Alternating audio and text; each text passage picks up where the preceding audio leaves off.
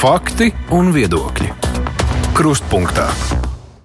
Aizsmeļamies Tomsons studijā. Mums ceturtdienas krustpunktā joprojām ir amatpersonu dienas, kad žurnālisti un klausītāji var uzdot savus jautājumus kādam no uzaicinātajiem viesiem.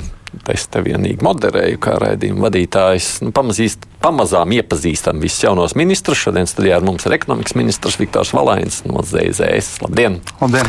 Tāpat šeit arī kolēģi Aiga Pelēna, Latvijas raidījuma ziņdienas. Sveika, Aiga! Sveiki! Un Mārcis Čirsāns dienas biznesa arī ar mums. Labdien! Nu, un gaidām klausītāju jautājumus, ko kā parasti iespēja nosūtīt elektroniski caur Latvijas raidījuma viens mājaslapu. Mums šeit tas attiecas uz radio klausītājiem, nevis uz televīzijas skatītājiem, jo tad tur tālāk jau ir ieraksts. Nu, droši vien vienkārši ievadam tā uztaisām tādu ieskatu, jeb iekāpšanu tematikā, tad, tad nu, pēc ilgākas tādas opozīcijas darba tagad jums ir iespēja beidzot arī pašam uzņemties tādu lielāku atbildību. Kas ir tie trīs lielākie mērķi? Vienkārši tā ieskatām, ko tad gribat izdarīt, esot amatā. Nu, protams, šobrīd ir ekonomiskā stabilitāte, un, nu, ja mēs tā skatāmies no ekonomikas ministrijas viedokļa, tad nu, tā ekonomiskā motora atdzīvināšana un um, uzlikšana uz tādām pareizām uh, sliedēm, uh, stabilitātes virzienā. Tas ir tas, uh, kur uh, mums būtu jāspēj uh, nonākt.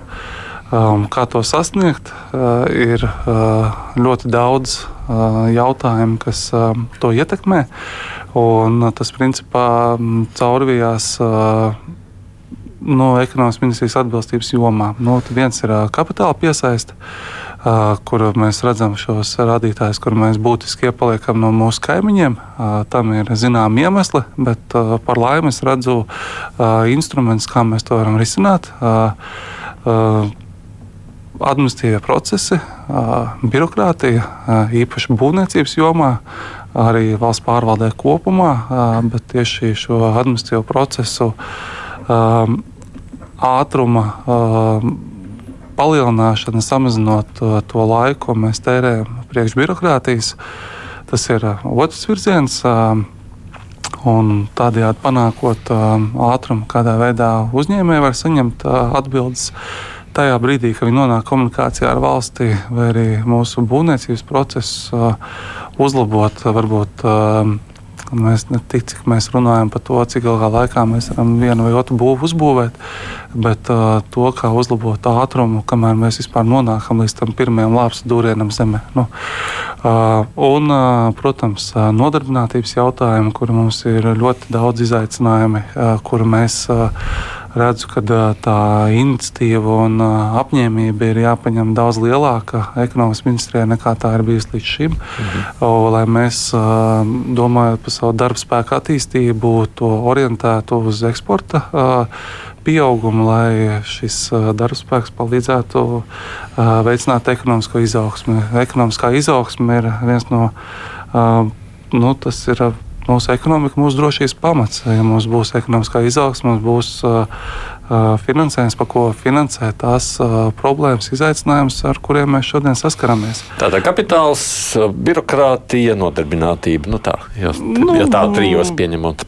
Jā, nu, protams, ir, protams, ir efektīva, kas ir ļoti, ļoti svarīga un kam ir ārkārtīgi liela nozīme, kas netiek pietiekami novērtēta. Vismaz manā ieskatā tas ir ārējo, ārējo finansējumu iedzīga ieguldīšana un laicīga ieguldīšana mūsu ekonomikas izaugsmē. Tie ir visi struktūra fondi, tie ir dažādi finansējuma instrumenti, kas Latvijai pieejami, lai viņi būtu laicīgi, jēgpilni ieguldīti. Skatoties slimnīcā un Skatot, citām lietām. Tieši tā, okay. nu, lai mēs risinām tos jautājumus nevis tad, kad jau vairs tur nav ko risināt, bet jau ieviešot. Okay. Nu, kolēģi, droši. Nu, Kāda ir tātad jūs nosaucat šobrīd loku, kuras ir gan ilgtermiņa risinājumi, gan īstermiņa risinājumi? Vai ir tādi risinājumi, kurus var izdarīt tuvāko un, teiksim, divu mēnešu laikā, lai viņi būtu spēkā ar 2024. gada 1. janvāru? Um, es uh, redzu uh, potenciālu šajā valdībā uh, saņemties un mērķiecīgi strādāt pie risinājumiem. Nu, viens piemērs uh, - risinājums attiecībā uz elektroenerģijas cenu pieaugumu un šiem sadalījuma tarifiem. Um, var vērtēt dažādi, bet uh, risinājums ir panākts. Un, uh, gan īstermiņa, gan arī šobrīd iebudžetēts ilgtermiņa risinājums, kas pirmkārt nepadarīs elektroenerģiju dārgāku uzņēmējiem un padarīs to samērīgāku šo cenu iedzīvotājiem. Otra lieta ir, tas ir viens piemērs, kas jāvar izdarīt. Otru piemēru, ko es varētu nosaukt, tā ir piemēram šo te tirgus nepilnību risināšana, kas ir ar kapitāla pieejamību. Mums ir finanšu institūcija Altums. Mēs redzam gan liels projekts, kas šobrīd Latvijā attīstās kuri viena vai otra iemesla dēļ tomēr nespēja saņemt pietiekošu komercbanku atbalstu. Šajā brīdī kā plecs ir īstā vieta autumam. Un, Mēs pilnveidojam Altumā esošās programmas. Šodien pat mēs virzam uz valdību. Otradien valdība apstiprinās ļoti konkrētu programmu, caur kuru, ja mēs viņu veiksmīgi pieņemsim un tālāk apstiprinās, četras reizes palielinām iespēju uzņēmējiem aizņemties, lieliem uzņēmējiem, kas runāja par aizņēmumiem, kas ir uh, 10 miljoni. Šeit tā iespēja būs 40 miljoni aizņemties, ņemt aizņēmumu automā uh, un uh, finansēt uh, projekts, kas, uh, kura vērtība pārsniedz pat 100 miljonus. Uh, uh, tie ir konkrēti projekti, kas ir uz galda, kuri uh, kaut kādu iemeslu dēļ netika spēts atrast viņiem risinājumu ilgstoši. Kā, nu, mēs esam tiešā arī par šādiem jautājumiem, kur it kā altums iet, tā teikt. Kāpēc jūs altuma vietā neizvēlaties šos uzņēmējus novirzīt uz biržu? Um, nu, biržā arī tas ir atvērts jautājums. Uh, šobrīd mums jādomā, mums ir konkrēti uzņēmumi, kuriem uh, ir nepieciešams konkrēts risinājums uh, šodien. Un, uh, protams, arī birža ir risinājums, un arī uz biržu mēs virzam un uh, kapitāla šo, šo biržu jautājumu. Tas arī ir dienas kārtībā, un pie tā mēs strādājam. Tur arī tiek darbs jau darīts, lai veicinātu šī biržas attīstību, un tur bez, uh, bez valsts iesaistas to atspērienu būs grūti iedomāties, bet arī privātos uzņēmējus mēs aicinām, tā skaitā, kas startē šajās atbalsta programmās, lai viņi dodas uz biržu, motivējam viņus un strādāsim tālāk, lai veicinātu. Šajā gadījumā mēs strādājam arī kopā ar komercbankām. Ar, jo tas uh, kapitāls jau bieži nav vienīgais. Uh, kādā veidā piesaistīt kapitālu? Uh, mums arī šajos projektos mēs redzam privātās investīcijas, kas tiek ies, iesaistītas arī. Mēs redzam dažādus pensiju fondus, kas iesaistās. Mēs, un mēs redzam to, ka, lai īstenot, ir nepieciešams vēl papildu atbalsts, kurus normālā situācijā būtu jāsniedz bankām. Kaut kāda iemesla dēļ viņas to nedara, nu tad iesaistamies mēs ar Altumu, un Altums to finansēs, bet arī ar bankām mēs esam arī šajos projektos. Mums ir izdevies panākt vienošanos, ka nav jau tā, ka mēs gribam, lai Altums pilda banku funkciju. Mēs esam interesēti pie tā, ka pie šie projekti, kad viņi izdodas, lai bankas nāk viņus pārfinansē, lai Altumam atbrīvojas naudu, un tā šobrīd tā nu, sistēma ja strādā. Tad visa valsts maksās par šiem projektiem? No, protams, ir kaut kādi riski jāuzņemās, un arī bankas uzņemās riskus, bet nav jau tā, ka mēs ieguldām naudu uh, neizvērtējot projektus. Arī šie projekti tiek izvērtēti, un, uh, un tur ir ļoti nopietna kārtība, lai viņi atbilstu inovācijām, eksportam, uh, visdažādākos līmeņos. Vai un... jūs varat pateikt, kas ir šie projekti, lai vismaz būtu skaidrs, kas tās ir pa nozarēm, vai varbūt jūs varat arī nosaukt uzņēmējus, ja jau viņi, nu, pretendē uz valsts atbalstu? Es uh, varētu nosaukt, bet uh, es varbūt šajā brīdī atturēšos. Tam man ir jāpārbauda, vai es uh, drīkstu nosaukt šos konkrētos uzņēmumus. Nu, viņi pretendē uz publisku naudu. Nu, protams, viņiem ir ļoti skaidra procedūra, kā, kā viņi iziet cauri, kur viņi tiek vērtēti visdažādākajos līmeņos, lai viņi vispār varētu iestartēt. Un tie ir atklāti konkursi, tie ir atklāts atlases, kur jebkurš var iet un startēt. Un, šobrīd mēs vismaz viens, par kuru mēs šobrīd nu, tie ir vairāk. Tomēr, un, uh, es varbūt nesaukšu viņus konkrēti. Es uh, uh, otrdien valdības sēdē skatīs uh, šo jautājumu, tad es pārliecināšos, vai es drīkstu. Nu, vismaz jūs- lauksaimniecība, protams, tā ir lauksaimniecība, kur mēs mēģināsim attīstīt uzņēmumus ar augstāku pievienoto vērtību, lai mēs tos graudus, kas šobrīd ir, lai mēs vienkārši graudus nevest ārā. Mums ir skaisti piemēri, kur caur līdzīgām programmām ir gājuši, kur bijis nepieciešams šās atbalsts, piemēram, Dobels dzirnavnieks. Nu, kurš šodien apšaubītu Dobels dzirnavnieku spēju būt inovatīviem un spēju būt uh, bioloģiskajā jomā, zaļo kursu ieturošiem? Laikā, kad uh, šie projekti attīstījās, arī šiem projektiem nebija tā, ka visi viņiem ticēja. Uh, bet šobrīd nav šaubu par viņu spēju, uh, bet, uh, bet ir arī citi projekti, kas arī šobrīd tādā pirmotnējā stadijā ir, kas uh, prasa gan lielas investīcijas, gan no pašiem attīstītājiem, gan arī piesaistot citu kapitālu, uh, kuriem ir nepieciešams uh, nu, šāds uh, valsts grūdienis. Mēs strādājam pie tā, lai, tā val, lai valsts dot. Ja bankas to nedod, tad dos valsts. Uh, Protams, izmantojot uh, ļoti, ļoti stingru šo kontrolas sistēmu, un te man jāsaka, ka nu, mūsu finanšu institūcija automātiski mēs darīsim visu iespējamo, lai viņa saglabātu arī šo starptautisko kredītreitingu statusu, kas viņiem šobrīd ir. Viņi tiek vērtēti nepārtraukti. un Viņu, Uz viņu, kādiem procentiem Altuma tad atbalstīs šos uzņēmējus? Es jums konkrēts procents, tad, man, tad mums jārunā būs par šiem konkrētiem noteikumiem šādai Nē, diskusijai. nu, man šodien. interesē vienkārši, ja jūs sakat, ka bankas nedod, jā, vai uzņēmēji, piemēram, iespējams pat negrib, jo tur ir augsti banku procenti. Šobrīd ir šis strīds starp bankām un, un uh, Latvijas politiķiem. Um, kā tad bankas uh, ierobežot? Bankas mums palikušas pa sliktajām, un vienlaicīgi mēs no viņām prasām, lai viņas finansē tautsēmniecību. Tagad jūs sakat, ka Altuma uh, taisās atbalstīt vairākus lielus uzņēmējus. Nu, tas galvenais jautājums jau ir par procentu likmēm, jo Nu, nu, jūs- pārējie iet uz banku vai uz biržu un saņem naudu tur. Nu, jā, jūs tur nevajag jau kopā tas, kas notiek saimā šobrīd. Tas notiek par hipotekāriem kredītiem, par kredītiem līdz 250 tūkstoši. Šeit mēs runājam par uzņēmējdarbības projektiem, kas ir. Un tur jau arī likmes tomā- kāpušas. Protams, ka likmes, likmes ir kāpušas, bet te ir stāsts par to, ka šiem uzņēmējiem šis kredīts vispār nav pieejams. Vienkārši bankas izvēlās neuzņemties risku.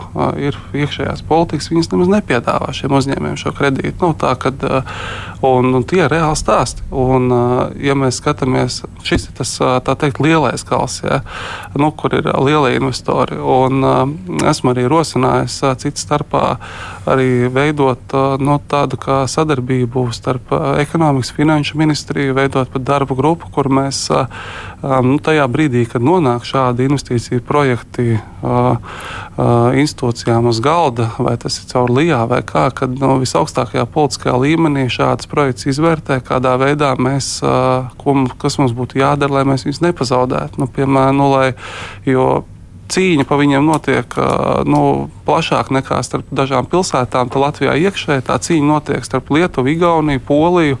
Un, un mums ir nu, jāpievērš uzmanība šādiem projektiem, kas tiek darīta, bet uh, tā varētu manā ieskatā būt daudz koordinētāk. Bet te mēs runājam par lieliem projektiem, ja, kuriem, kuriem ir vēl mazais bizness, kur arī kur lieliem projektiem mēs šo pirmo piedāvājumu esam izstrādājuši. Mēs viņu esam saskaņojuši jau ar Finanšu ministriju, ar, arī ar banku nozari, ka viņi arī atbalsta šādu pieeju, viņš jau otrdien būs valdībā. Bet ir vēl otrs gals, pie kura mēs strādājam. Tas ir mazais bizness. Un Nu, kā dažas nedēļas atpakaļ Svetbānka bija nākus klajā pētījumā, ka tikai trešā daļa mazo video uzņēmumu Latvijā var pretendēt vispār uz kādu bankas kredītu.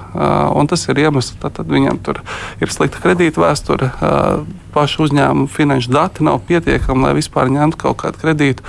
Un mēs redzam, to, ka šī ir arī vieta, kur mūsu finanšu institūcijai ir jāiesaistās un uz uh, atvieglotākie nosacījumi. Jā, es piekrītu uzņemoties lielāku risku, bet uh, ir uh, jādod iespēja šiem uzņēmumiem attīstībai, ņemt kredītus. Mēs strādājam pie programmas, lai autors dotu kredītu 25-50 tūkstoši eiro apmērā.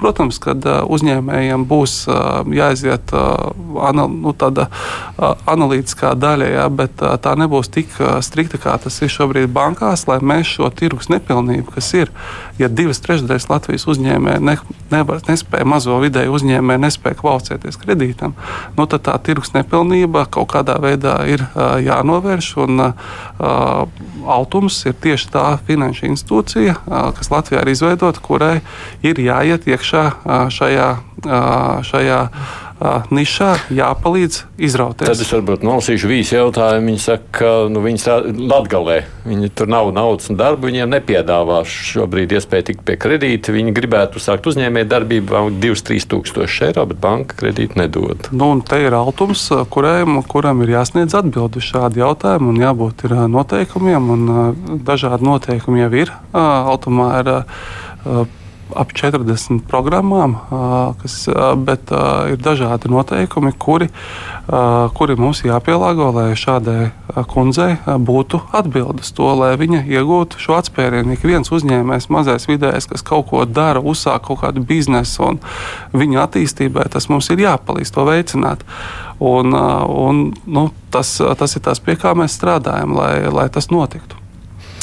Mm, Māri. Pieskārāmies pie tātad jauniem uzņēmumiem un vispār ārvalstu investoru iespējām ienākšanu Latvijā. Cik jūs ir jāpārskata pašreizējā situācija, kad, nu, viņš reģistrētu šeit kompāniju, lai atvērtu bankas kontu, tātad viss šīs prasības vispārējā, tas ir tie riņķa danči, tur ir stāsti ir par nedēļām un pat mēnešiem izrādās.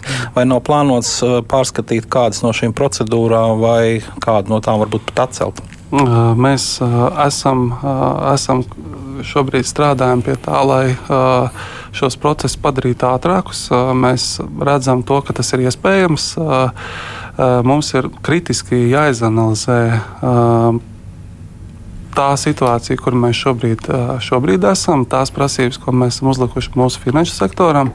Mēs pie šī vērtējuma strādājam jau šobrīd kopā ar mūsu finanšu izlūkošanas dienestu. Mums ir jau bijušas tikšanās, kur mēs esam apsprieduši šos jautājumus, kā mēs varam šo sistēmu uzlabot. Jo ir virkni lietu, ko mūsu finanšu sektors šobrīd prasa pārāk daudz, kur tā birokrātija ir stipri pārspīlēta. Mēs, protams, pirmais mēģinājums būs sarunu ceļā panākt šo kopēju izpratnes veidošanu, bet tas neatiecās tikai uz finanšu sektoru, tas attiecās arī uz valsts ieņēmuma dienas, tas attiecās arī uz grāmatvežiem un uz visām tām personām, kurām jāveic personas datu pārbaudas šobrīd.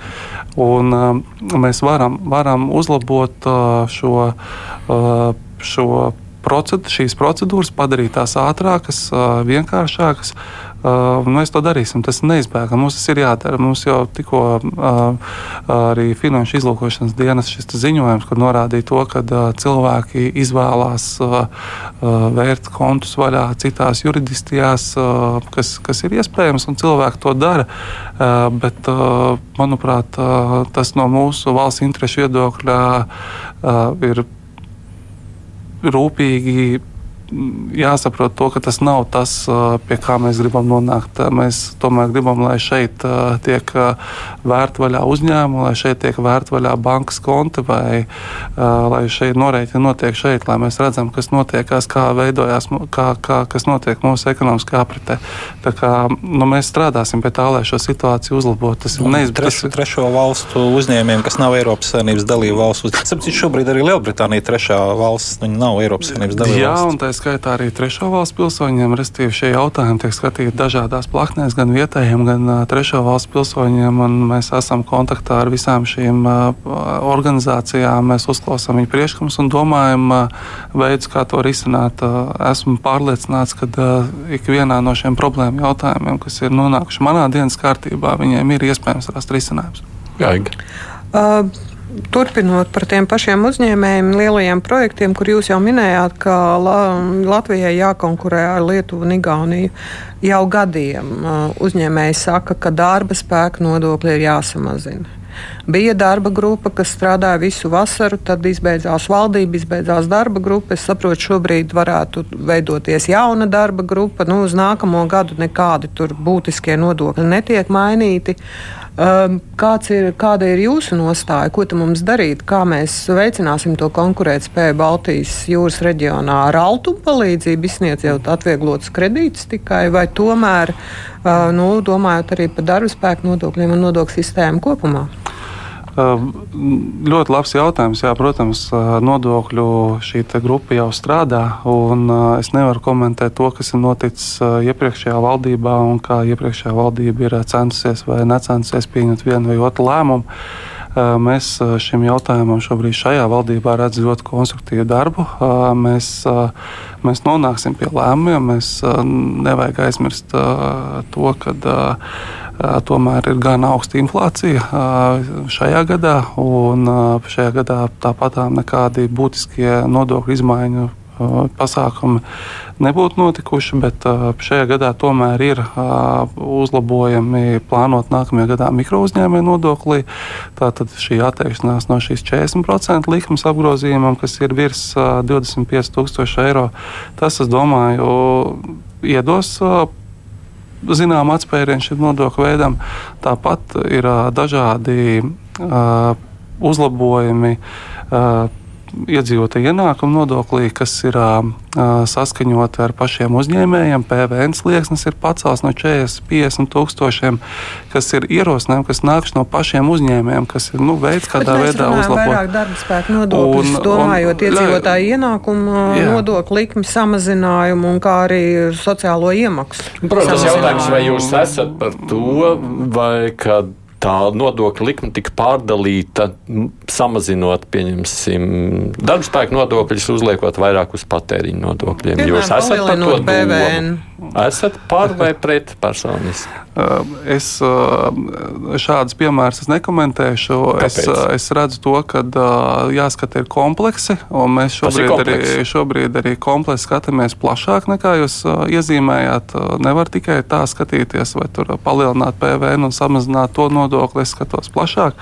To, ka darbspēku nodokļa sloks ir problēma un par to nav strīdu, tas ir fakts. Tas, ka mēs šobrīd arī šajās diskusijās šos jautājumus nu, ir uzrunāti no visām trīs koalīcijas veidojušām partijām. Es domāju, ka, pie, ka tas rezultāts visticamāk tāds arī būs, ka šie darba nodokļu sloks mazināsies.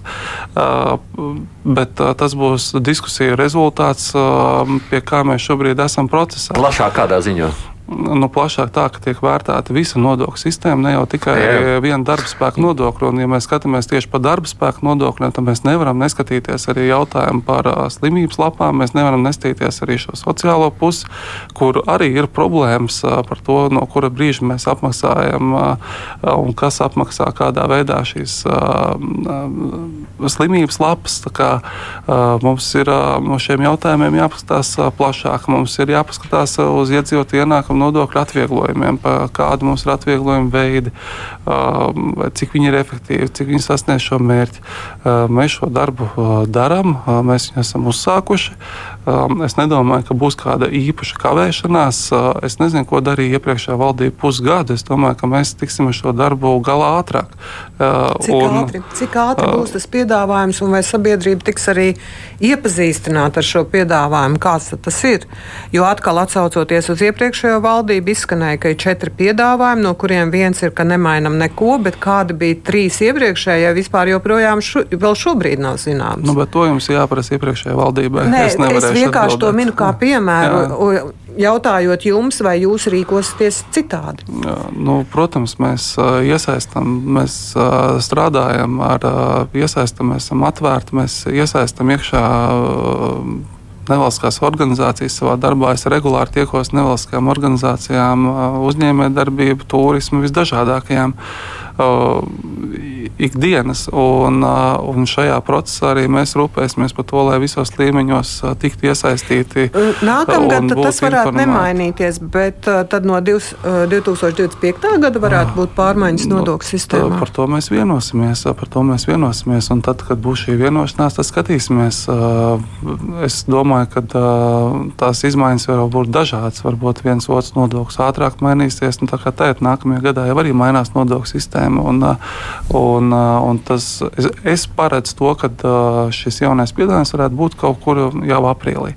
Tā kā, mm, tā kā kavēšanai nav vietas. Visa mūsu uzņēmējdarbības vide gaida šo lēmumu, lai redzētu perspektīvu. Mēs nevaram atļauties vilcināt šo jautājumu. Mums pēc iespējas ātrāk vēl šajā gadā jāiesaist nevalstiskās organizācijas šajā darbā.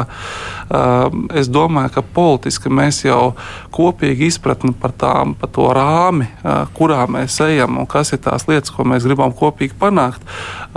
Mums ir jāpanāk ļoti nu, ļoti ātri. Tas nevar būt uh, ilgāk kā nākošais mēnesis vai divi, lai pēc tam jau ar nevalstiskajām organizācijām kopīgi atrastu labāko scenāriju, kā to visu īstenot. Es atgādināšu klausītājiem, šeit ir ekonomikas ministrs Viktors Valainis, divi kolēģi Aika Pelāni un Mārcis Čirsons. Raidījums Krustpunktā. Divi, trīs klausītāji jautājumi arī tagad, lai tiek ļauts pie jautāšanas. Anna, te par jūsu iepriekšējiem izteikumiem raizējās, sakot, jūs pēc kādiem aprēķiniem Valēņkungs secināja, ka Dagdā var izdzīvot ar 1000 eiro algu, bet Rīgā nevar. Vai tad Dagdā lētāk elektrība, komunālie pakalpojumi vai pārtika? Vai jūs zināt, ka Dagdā ir nokļūt līdz ārstiem vai kultūras iestādēm vai darba vietām ir krietni grūtāk un dārgāk? Nu, Jā, ļoti, ļoti labs jautājums un priecāšos, priecāšos to atbildēt. Um, es uz šiem jautājumiem skatos pēc um, iedzīvotāju šiem te, uh, pirktspējas datiem, un, un tas arī lieliski, šobrīd parādās um, arī budžeta pieņemšanā, kur uh, uh, iedzīvotāju ienākumu līmenis, uh, kas ir uh, reģionos, īpaši Latgalē, stipri atpaliek no tā, kāds tas ir uh, Rīgā, kāds tas ir uh, Pierīgas reģionā. Un, ja piemēram pašvaldību kopēji ieņēmumi Rīgā, Pierīgā šur tur pieauga pat par 14, 15, 16%, tad pierobežā tas bija knapi 1%. Tad, tad tur grūtāk izdzīvot. Protams, un uh, ienākumu līmenis tur nav tāds, kāds viņš ir. Uh, tāds, kāds viņš ir uh, tuvāk Rīgai uh, un tāds, kāds viņam vajadzētu būt. Līdz ar to nu jā, tā, tā situācija nav vienlīdzīga. Mums jādomā, kādā veidā mēs vairāk atbalstam mūsu reģionu, sniedzam tiem uh, pakalpojumus, uh, atbalstam. Uh, tiešā veidā, budžeta tiešā veidā, nu, tieši tā kā mēs to izdarījām um, šajā budžetā, veidojot vēl papildus izlīdzināšanu, lai palīdzētu šiem reģioniem. Es to biju domājis um, tieši šādā kontekstā, kad, uh, kad uh, cilvēki darot vienu darbu, uh, nenopelna uh, vienu un to pašu naudu. Uh, tālāk no Rīgas un to, cik, to, cik par to pašu darbu var dabūt Rīgā. Jā, Prīlīdzināšana tas ir vesels atsevišķs stāsts. Te arī vēl pāris jautājumi vismaz ir par ievesto darba spēku. Tad daži klausītāji domā, ka šobrīd vajadzētu iepauzēt Ilza rakstu un gal galā beig beigās, vai ne Armans to raksta, nevajag iepauzēt darba spēku ieviešanu, jo nav zināms, kas notiks nākotnē. Kaut vai trešais pasaules karš, viņš novies par to, kāda pašreizējā esošā situācija. Andrs savukārt saka, ka būvniecības nozarē arī šobrīd sabrauc lētie viestrādājumi strādnieki, kas nemāk bieži vien pat, kā viņš te raksta, stāvēja apkārt biļetē, nesaprot, kā to iedarbināt, bet es nezinu, kas tā par biļeti tur bijusi. Mm. Un, jebkurā gadījumā, sakot, ka savukārt mūsējā brauc citur strādāt, bet mums pašiem nav, tad mēs ievadam lētos, kur viena daļa strādā nelegāli, saņem mazāk, tikai ne, nekur nesūdzas. Jā, tas ir arī ļoti labs jautājums. Un te es redzu, tātad, lai šīs brīvās vakances risinātu, te ir trīs virzienos jāstrādā. Un pirmais un svarīgākais ir strādāt jau ar to resursu, ar tiem iedzīvotājiem, kas mums jau šeit ir, strādāt pie tā, lai atgrieztos šeit tie, kas ir aizbraukuši. Un šie virzieni ir jāstiprina, un tāpēc arī mēs strādājam pie tā, lai nodarbinātību pārņemtu vairāk šo nodarbinātības politiku, pārņemtu ekonomikas ministrijas lauciņā, lai mēs varētu veikt arī īstermiņa darba prognozes, lai mēs palīdzētu, mērķi, palīdzētu šīs pārkvalifikācijas, nu, kas notiek šeit. Tur ir ļoti liela Eiropas fonda nauda ieguldīta, tiek, lai mums palīdzētu Latvijas ekonomikai šo pārkvalifikāciju veikt, lai viņa būtu maksimāli efektīva, lai tas cilvēks, kas izies šos kursus, arī dabūtu to darbu pēc tam. Otra lieta ir, un tas mums jāstrādā ar vietējo tirgu. Otra lieta mums jā, jāatbalsta mūsu uzņēmēji, lai viņi kļūtu konkurētspējīgāki, lai viņi savas ražotnes attīstītu maksimāli moderni, lai viņiem šī vakants nemaz nebūtu vajadzīga. Un, un trešais tas punkts ir tieši sakārtot šo sistēmu ar mūsu trešo valstu pilsoņiem, kas šeit iebrauc.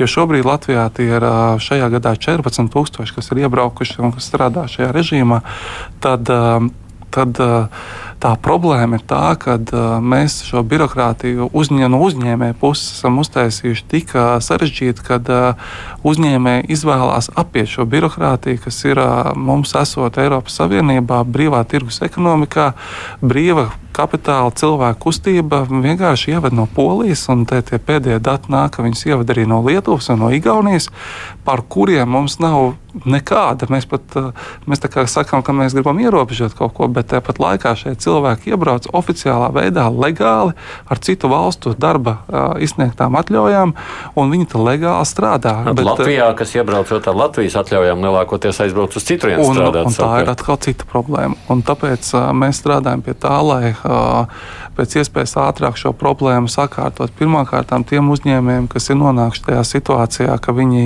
tomēr vēlas un viņiem vajag piesaistīt darba spēku no trešajām valstīm. Un te ir piemēri, piemēram, ražošanas līnija attīstībai nepieciešami 24 jauni darbinieki. Šī uzņēmuma vadība apzina visus 50 brīvos darbiniekus reģionā, kas saņem šobrīd pabalstus un uzaicina viņus uz darba interviju. Atcaucās divi, ierodās nulle. Tas ir reāls stāsts.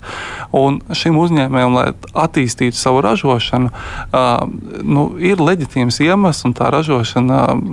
Ja viņa, viņa vēl reģionā ir, nu, tad ir leģitīms iemesls piesaistīt šo darbu spēku.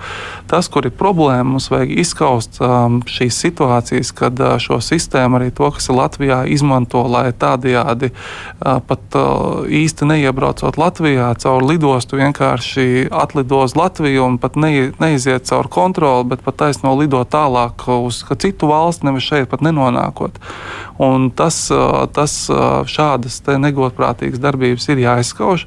Un, ja mēs izveidosim šo sistēmu brīvāk pieejamu, mēs stiprināsim kontroli pār šo sistēmu, kas šobrīd īsti nav tāda, kāda tai vajadzētu būt. Tā ir gan uzņēmēju pusē, gan valsts pusē uzņēmējiem, lai viņi uzņemtos lielāku atbildību par to, lai viņi spētu atbildēt uz jautājumu, kurš šis konkrētais cilvēks, ko viņš ir piesaistījis, kur viņš ir, ko viņš dara, lai ir uh, nepieciešams gadījumā šī informācija. Un tad, ja šis cilvēks ir izdomājis rīkoties negodprātīgi vai doties prom no šejienes vai, vai kaut kur nozust no te, uh, no šī uzņēmēja redzesloka, nu tad, lai ir iespēja arī valsts iestādēm ātri reaģēt, ka šobrīd nav tas pats labākais uh, rādītājs, lai viņi iespējami ātri apturētu šo darbu atļauju un šo cilvēku, kas izvēlējies kādu negodprātīgā veidā šeit uzturēties, lai viņi varētu sūtīt uz viņu mītnes valsti atpakaļ, ja viņš neievēro tos noteikumus, kas šeit ir noteikti.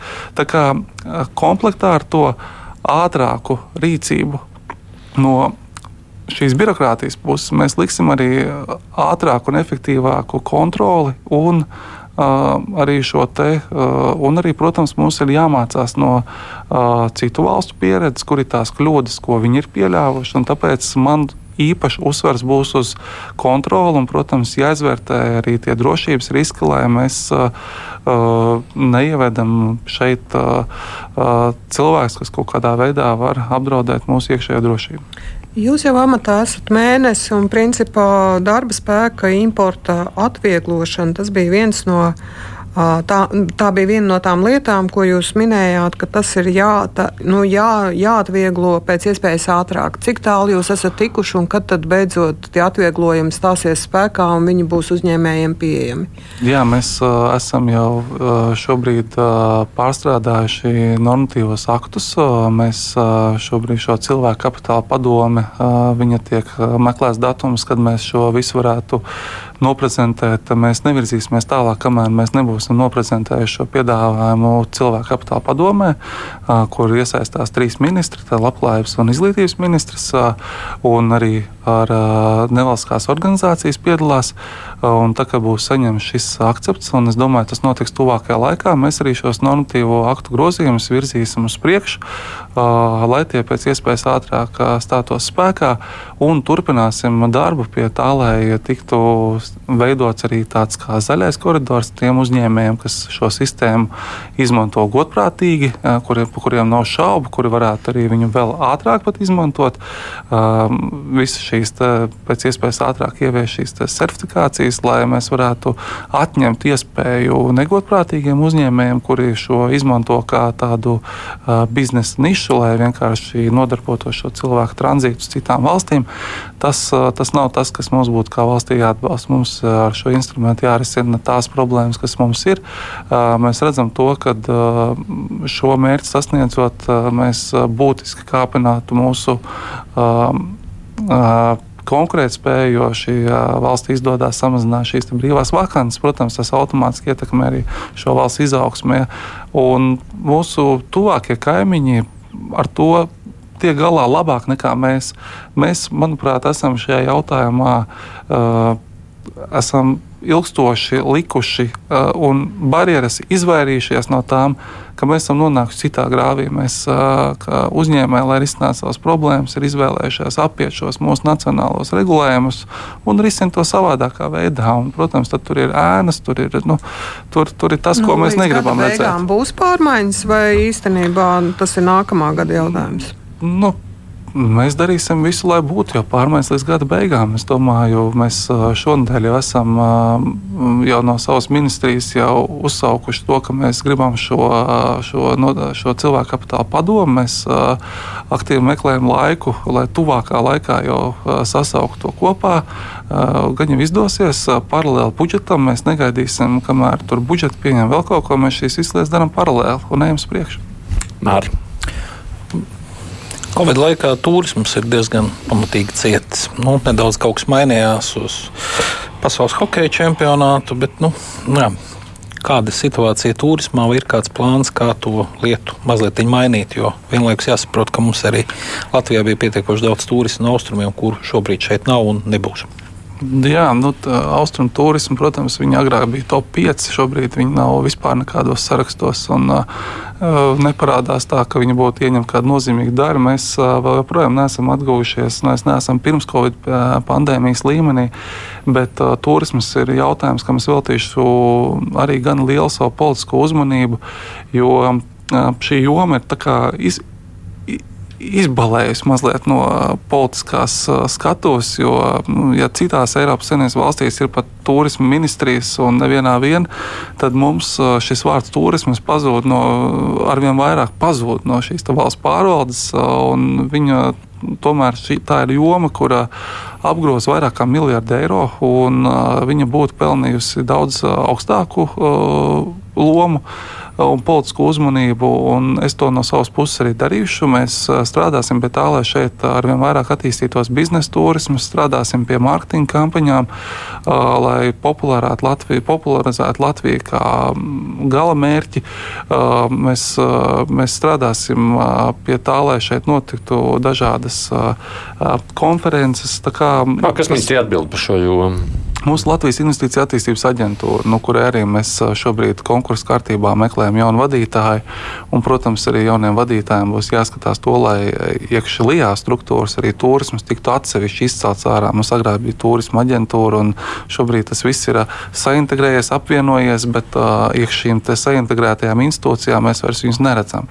Un, un viņiem ir tomēr gana nozīmīga joma, kuru ir jāceļ ārā. Tur ir ļoti uh, veiksmīgi veiksmīgi uzņēmēji. Tā ir Latvijas, tas ir Latvijas tēls, tā ir Latvijas vizīte. Tas kaut kādā atsevišķa nodaļa? Uh, ir jāizceļ ārā jau esošajās nodaļās, kur viņi ir, kur viņi ir pazuduši. Nu, ir izcelt ārā nu, tādā ziņā, kādam atbildīgākam, specifiski. Protams, protams jā, tas, tas ir jāsaprot to, ka, šī, ka ir jābūt cilvēkam, kas par to atbild, lai arī pašai nozarei skaidrs, kuri, kuri ir tie atbildīgie dienesti, kas, kas par to atbild. Un, jūs iestāsties arī par PVN samazināšanu sabiedriskajai ēdināšanai? Uh, ir šie jautājumi dienas kārtībā. Es redzu to, ka tā ir ļoti specifiska specifiskā, specifiskā situācija, kas tur izveidojusies. Ir milzīgi nodokļu parādi, milzīgi ēna ekonomika, un mēs ar šo nozari esam jau pārnājuši šos jautājumus. Protams, ka šie jautājumi būs uz galda šajā nodokļu izvērtēšanas darba grupā. Mēs par to runāsim, mēs piedāvāsim no savas puses šo uh, pieeju, kad mēs varētu uz kādu laiku uh, ieviest uh, samazinātu likmi. Uh, Lietuvā ļoti labs uh, piemērs, kā tas Lietuvā nostrādāja tieši mazinot šo ēnu ekonomikas daļu. Tā būs politiska diskusija, kur noteikti šis jautājums tiks apspriests. Ar ko viņi beigsies, nu, to es varēšu teikt pēc tam. Bet šajā jomā ir, ir virkne lietu, ko mēs varam darīt gan nodokļu jomā, gan arī bez nodokļu jomas, kā mēs varam uzlabot šīs jomas attīstību. Tas nu, mums kaut vai tuliņās notiks arī tāds pasākums saistībā ar Michelin zvaigžņu piešķiršanu Latvijas restorāniem, kas, protams, ieviesīs arī uz dažādu pasākumu rīkotāju, plānotāju kartēs uzliks Latviju, kuriem šis jautājums bieži vien ir svarīgs, vai šeit ir vai nav šādi restorāni, kur ir šāda kvalifikācija kvalitātes zīme. Tā kā, nu, tas arī būs pienesums šai jomai, kurai, nu, kā jau teicu, viņai jāvēlt lielāka politiska uzmanība, jo tā ir Latvijas vizītkarte. Tas, tas ir tas, kur turisti brauc, redz. Un, nu, nu, uzņēmēji jau sagaida kaut kādu arī tādu nu, finansiālu, tā, tā paša nodokļa mm. samazināšanas, kaut kādu taustāmāku atbalstu. Jūs sakat, ir finansiāla atbalsta un ir finansiāla atbalsta ne tikai nodokļu veidā, mēs varam arī ļoti mērķiecīgi strādāt dažādām valsts atbalsta programmām programmām, kādā veidā mēs tieši tieši uh, konkrētai jomai palīdzam, nu, piemēram, darījuma turismas, atbalstot uh, to, lai uh, šeit uh, ar grantu veidā, uh, kas arī tiks darīts, uh, grantu veidā atbalstot to, lai, piemēram, ja kāds starptautisks, uh, starptautisks pasākums, lai notiktos šeit Latvijā, kādā no Latvijas uh, viesnīcām, nu, tā, lai, piemēram, 200 cilvēku, piemēram, medicīnas uh, konferences notiktos šeit Rīgā. Un tad mēs no valsts budžeta atbalstam šādas konferences norisi Rīgā. Kā rezultātā šeit ierodās 200 cilvēki, 30 no Latvijas, bet 170 augsta līmeņa eksperti no dažādām valstīm. Un, protams, tā ekonomiski pievienotā vērtība šādam pasākumam ir ārkārtīgi liela. Tā kā, nu, tur cilvēki pēc tam ēda kafejnīcās, paliek viesnīcās, ēda restorānos, un visa šī ekosistēma no tā, protams, momentāli iegūst. Tā kā, nu, ir arī tāda veida, kā mērķiecīgi atbalstīt. Mēr. Principā, ja mēs runājam par turismu, droši vien nevar aizmirst par to, ka nozīmē ne tikai konferenču vai darījumu turisms, bet ir arī saka, dažādi nu, svētku pasākumi, koncerti, nezinu, sporta pasākumi. Sporta pasākumi nu, ja mēs, piemēram, paskatāmies kaut ko tādu, vai šajā jomā arī kaut kas tiek domāts vai, vai skatīts. Jā, mēs eh, šobrīd strādājam. Mums ir dienas kārtībā jautājums par to, lai mēs varētu Latvijā norisināties uh, Olimpiskā, olimpi, Olimpiādas kvalifikācijas turnīrs basketbolā. Arī šeit mēs uh, kopā ar nozari ekonomikas ministrijā strādājam pie ekonomiskā pamatojuma, lai valsts ieguldot arī naudu šādos dišpasākumos, lielajos pasākumos, lai mēs ieguldot naudu, redzētu, kādā veidā viņi atgriežas atpakaļ nodokļu veidā. Un, um, un tie, ir, um, tie ir pasākumi pasaules čempionāts Rālijā, piemēram, kas norisināsies. Uh, bet ir arī citi pasākumi. Mēs uh, nākamnedēļ tiekos ar Pasaules Biatlona federācijas vadību runāt par to, lai šeit norisinātos uh, pasaules čempionāts Biatlonā posms. Jā, kā, um, ir, ir jautājumi, kuri ir dienas kārtībā, šie jautājumi, kur ir tieši valsts atbalsts nepieciešams, lai tādi pasākumi šeit notiktos, bet viņi nevar notikties viņi nevar notikties. Nu, viņiem ir jānotiek stingri ekonomisku pamatojumu ietvaros. Tātad, nu, ja šis pasākums nodokļu veidā pēc tam atnes atpakaļ naudu, tad mēs šādus pasākumus atbalstam. Nu, kā, un te mēs palīdzam veidot šos aprēķinus. Es, es to atļaušos ātri. Bet Rīgai vairs nav prāmis. Mēs esam atgriezušies kaut kādā 95. vai 97. gada līmenī, ka mēs runājam, ka būs prāmis, būs ārzemju nu, turisti, kaut kāda atbrauks, aizbrauks vai kaut kas notiks. Mēs paši arī kaut ko nokļūsim. Nav mums tūri, nav mums prāmi. Ja, klausītāji, Mums, mums ir tas, kas mums, tas, kas mums ir. Protams, prāmu kustības attīstība arī tas ir jautājums, pie kā jāstrādā. Nu, ir daudz jautājumu, pie kuriem jāstrādā, bet es neredzu no savas puses skatoties, es neredzu nevienu jautājumu bez perspektīvas. Visi tie jautājumi, ko mēs šodien pārunājam, kuri, kurus jūs man uzdodiet, es viņos visos redzu perspektīvas, visos viņos redzu risinājumus un attīstības iespējas. Tā kā, nu, tiešām mums ir visas iespējas audzēt ekonomisko izaugsmu, mums ir visas iespējas tiešām uzlabot šo vidi, kurā mēs dzīvojam.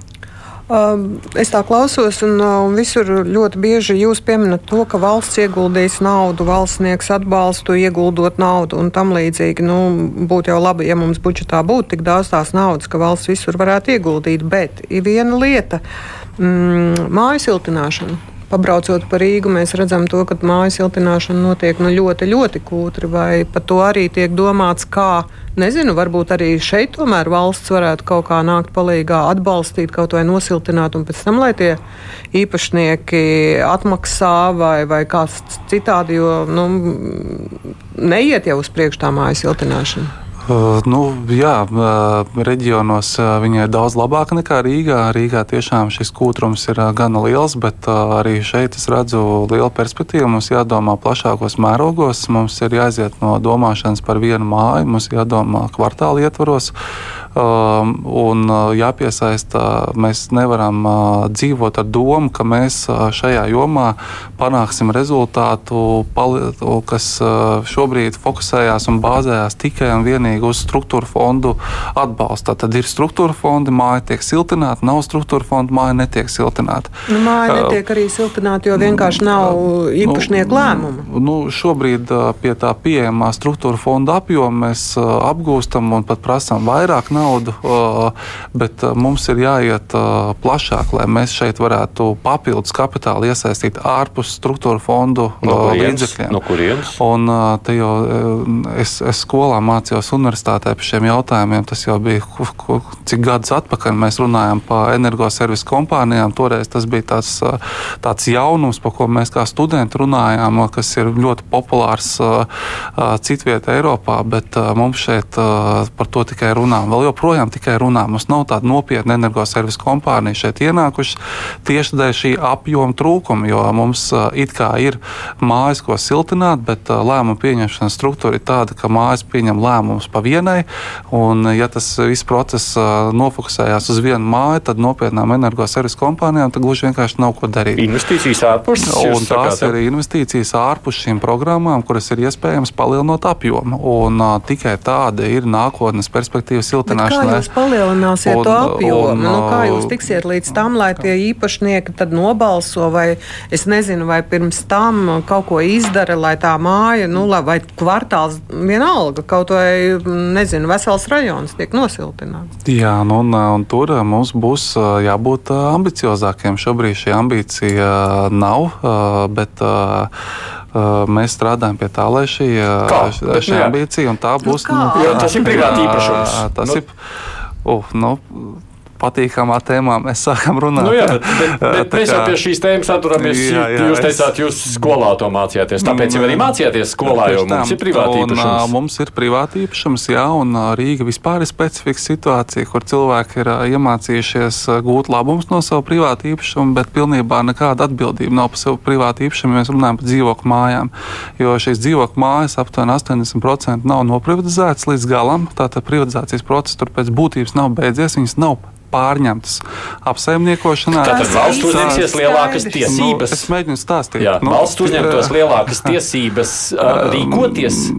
Tātad, un pie šādas situācijas, kad ir šī tiesiskā vide ir tik nenoteikta, es to redzu arī kā iespēju, kur mēs ilgstošā laika periodā pieņēmām un izveidojām likumdošanas rāmu par dalītā īpašuma izbeigšanu, kas paredzēja pilnīgi citu pieeju pieeju lēmumu pieņemšanas struktūrai. Un tas Rīgā šobrīd notiek. To varbūt cilvēki neievēro, bet pievērsiet tam uzmanību dalītā īpašuma izbēgšanai, lai noteikti funkcionāli nepieciešams zemes gabals.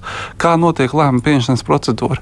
Iniciators var būt viens cilvēks. Iniciators tam jautājumam, un tālāk lēmums var iesaistoties pašvaldībai, var tikt pieņemts kvartāla ietvaros. Tā ir reāla kārtība, kur šobrīd es nevaru pateikt, kādā procesā viņi ir, bet visa Rīga tiek pārmērīta pēc, šāda, pēc šādas pieejas, kur tiek noteikti zemē funkcionāli nepieciešamie zemes gabali.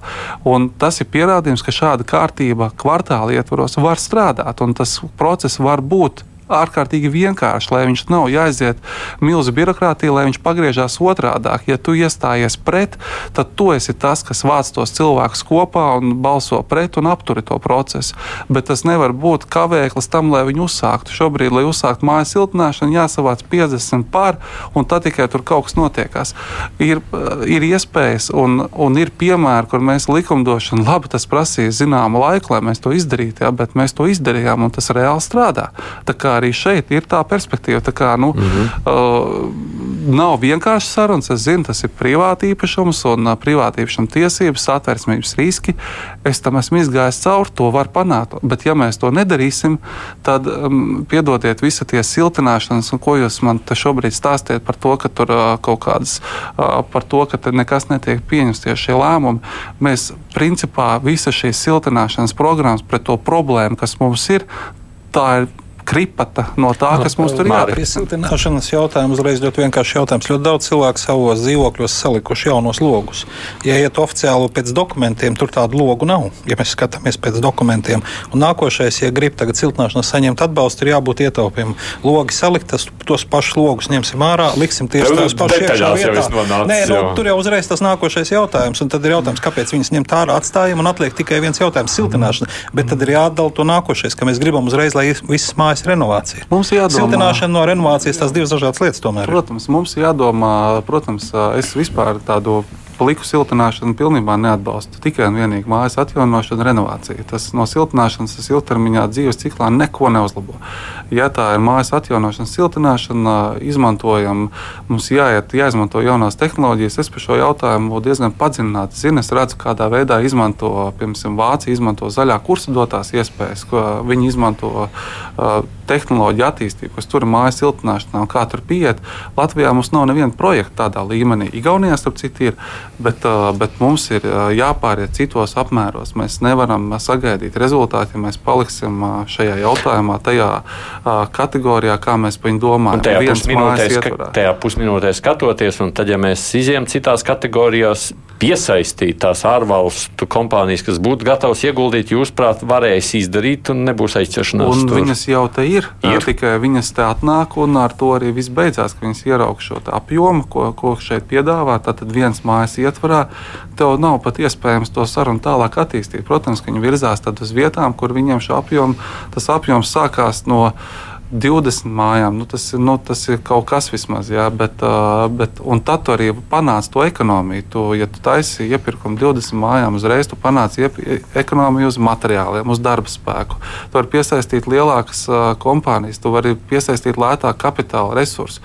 Tev ir, tev enti, enti iegūmi. Un, Nu, tas, ir, nu, tas ir tas, kāda ir tā nākotne. Mums ir dažādi ziņojumi, OECD, kas aicina mūs domāt par šīm lietām. Mēs pagaidām nekur tālāk par šiem ziņojumiem izlasīšanu neesam nonākuši.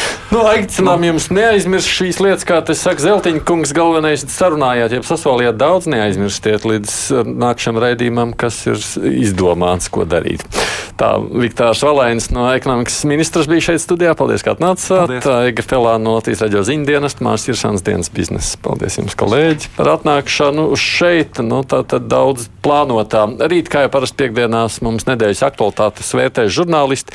Vispār jau šī bija salīdzinoši mierīga ziņu nedēļa. Vismaz Latvijā skatoties, droši vien drīzāk jāielūkojas, kādas tās atskaņas Latvijā rada karš tuvējos austrumos. Nu, kaut ko mēs dzirdam, piemēram, Stradiņu universitāti un vēl kaut kur citur.